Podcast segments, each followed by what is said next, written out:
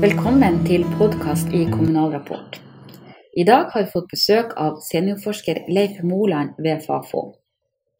Moland har forska på deltid i kommunene i snart 30 år, og har klare råd til hva kommunale ledere bør gjøre for å øke heltidsandelen i kommunene. Men først noen fakta. Hele 58% av de ansatte i kommunesektoren jobber deltid. Til tross for at mange kommuner i årevis har jobba aktivt mot ufrivillig deltid. I helse- og omsorgssektoren jobber 77 deltid.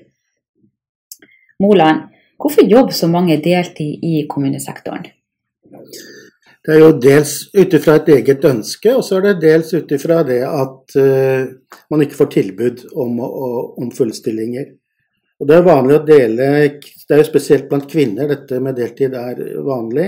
Og det, man deler gjerne kvinner i tre grupper. Det er de arbeidsorienterte.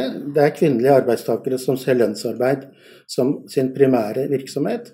Og så har du de, den kanskje største gruppen da, som ønsker å kombinere arbeid og familie, og som mener at det ikke lar seg balansere hvis de jobber heltid. Og så har du en siste gruppe som er genuint hjemmeorienterte, og de ønsker så lite lønnsarbeid som mulig. Så i Norge da har altså en stor andel kvinner råd til å ikke jobbe fulltid. De eh, trenger kanskje ikke høyere lønn, Eh, mannen deres tjener godt, og de ønsker tid til barn eller barnebarn. Men samtidig så har jo Norge en høy andel kvinner som jobber sammenlignet med andre land. Er deltid en liten pris å betale for høy yrkesdeltakelse blant kvinner? Det er jo helt avhengig av hvem du spør, men for to grupper så er prisen så høy at jeg vil kalle det et problem. Det er et problem for de ansatte som ønsker og trenger en hel stilling og full lønn, men som ikke får det. Det er en god del, det. Og så er det jo spesielt innenfor pleie- og omsorgssektoren dette med at det store deltidsomfanget er et større problem for brukerne og for tjenestekvaliteten. Så hva bør gjøres, spør de her kvinnene som da um, har det fint. De går kanskje på kafé hver fredag. Eh, sammen med de andre deltidsansatte venninnene sine, bør de ta, ta, større ansvar og melde seg frivillig til å jobbe økte stillinger, eller bør kommunale ledere da eh, ta hardere grep om denne problematikken?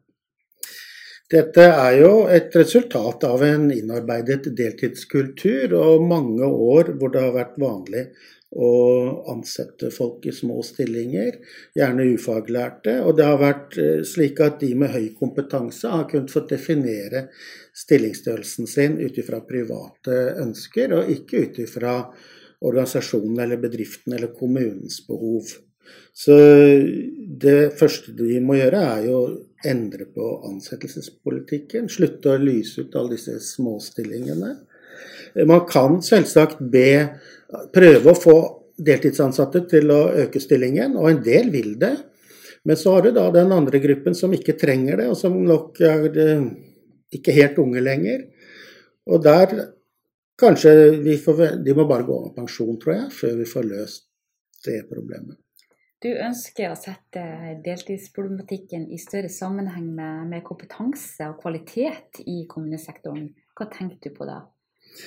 Jo, det er mye snakk om kompetanseheving og kompetanseutvikling. Det er mye snakk om heltid og heltidskultur, og det er mye snakk om nærvær og sykefravær. Og det er jo tre sider som bør ses i sammenheng. Og arbeidet for å få til en eh, kompetansekultur, kompetansemiljøer, og trekke til seg den kompetente arbeidskraften, det får du ikke hvis du fortsatt har en deltidskultur. Så heltidskultur og kompetansekultur hører sammen. Du får ikke til det ene uten det annet. Og så er jo KS og kommunene veldig opptatt av at de skal være attraktive arbeidsgivere og trekke til seg arbeidskraften de trenger. Men da er jo mitt store spørsmål hvem er det kommunene ønsker å være attraktive for? For i dag så er de attraktive for den deltidsansatte, og ikke for de som ønsker å jobbe heltid. Og en kommunal leder da, som eh, sitter og han har en, eh, eller hun har en deltidsprosent på 68, bare for å ta gjennomsnittet i Kommune-Norge. Um, hva bør denne kommunale lederen da tenke på når skal, hun skal angripe problemet? Det er jo altså det, er det som er problemet, da, at det er den enkelte leder som blir sittende med utfordringen å rekruttere ansatte. Og hun kan, eller det er jo gjerne hun, da, vil jo ofte ha hastverk med å få ansatt en person og må si ja til det som kommer inn. Så problemet er jo at dette ikke er en del av en strategisk arbeidsgiverpolitikk, som da både ordfører og rådmann forholder seg til. At man ser langsiktig på hva slags kompetanse trenger vi for å løse dagens og morgendagens oppgaver. Og kompetansekravet blir bare større og større. Og kompetanse handler jo ikke bare om formalkompetanse, det handler om fingerferdigheter og om realkompetanse. Og ikke minst i denne sektoren om å kjenne bruker.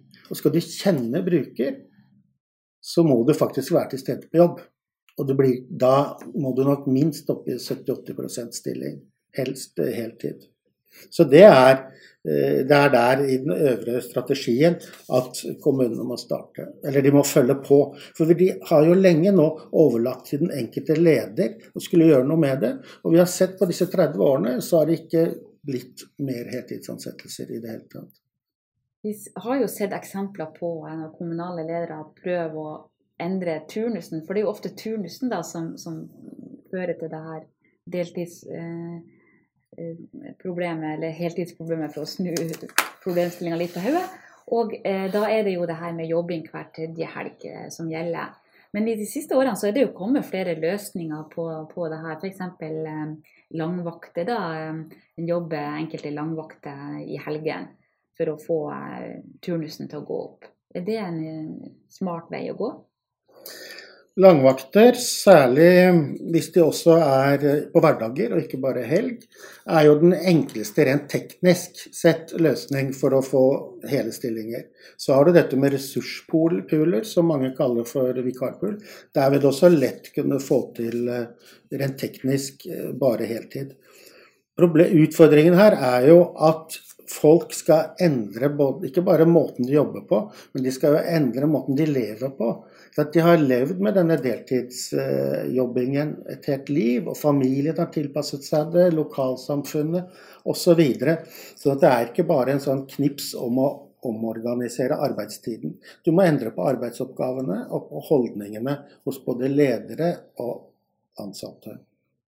Og de lederne som går litt kjapt i vei med et sånt tiltak, de møter ofte motstand fordi at de ikke bruker nok tid på å involvere. Og så er det ikke sikkert at uansett hvor mye du involverer, så vil du ikke få alle opp på heltid. Eh, Norsk Sykepleierforbund vil jo si at eh, løsninga ligger i økt bemanning. Ja, altså du kunne si det at kommunene burde få bort for det første alle småstillingene. For det annet alle vakante stillinger som de ikke besetter. Og så burde de bruke såkalte vikarmidler eh, og sykefraværsmidler, som de har satt av ganske mange millioner på, alle kommuner. Der burde hovedtyngden av disse midlene burde vært brukt til faste ansettelser. Og da Helst det 80% opp til 100, hvis vi skal tenke på hva som gir tjenestekvalitet for brukerne. Og for de som skal ha en lønn å leve av, som trenger det, da er jo også 100% stilling viktig. Så det er kanskje ikke hovedsakelig snakk om økonomi, men organisering og ledelse? Ja, det er store omstillinger dette her, sånn at eh, kommunestyret burde selvsagt bevilge noen småsummer til prosjektledelse og kanskje i implementeringsfasen også noen ekstra midler. Men det som vi etter hvert har sett, er jo at når du får dette opp å stå, så er ikke de store stillingene noe dyrere enn alle disse småstillingene. Tenk deg hvor mye tid som sløses bort for ledere i å ringe etter ekstravakter.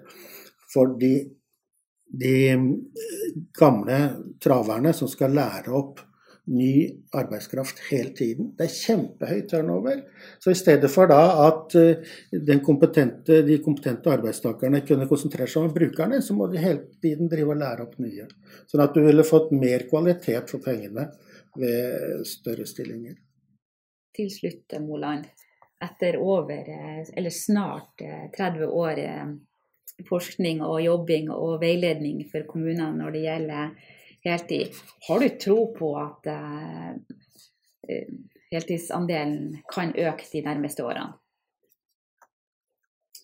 Ikke på kort sikt, fordi at det vi ser som er en utfordring, uansett eh, hva slags prosjekt, utviklingsprosjekt kommunene gjør, så får de til kjemperesultater på én sykehjemsavdeling i én hjemmetjeneste, eh, geografisk hjemmetjenesteområde eller i én gruppebolig.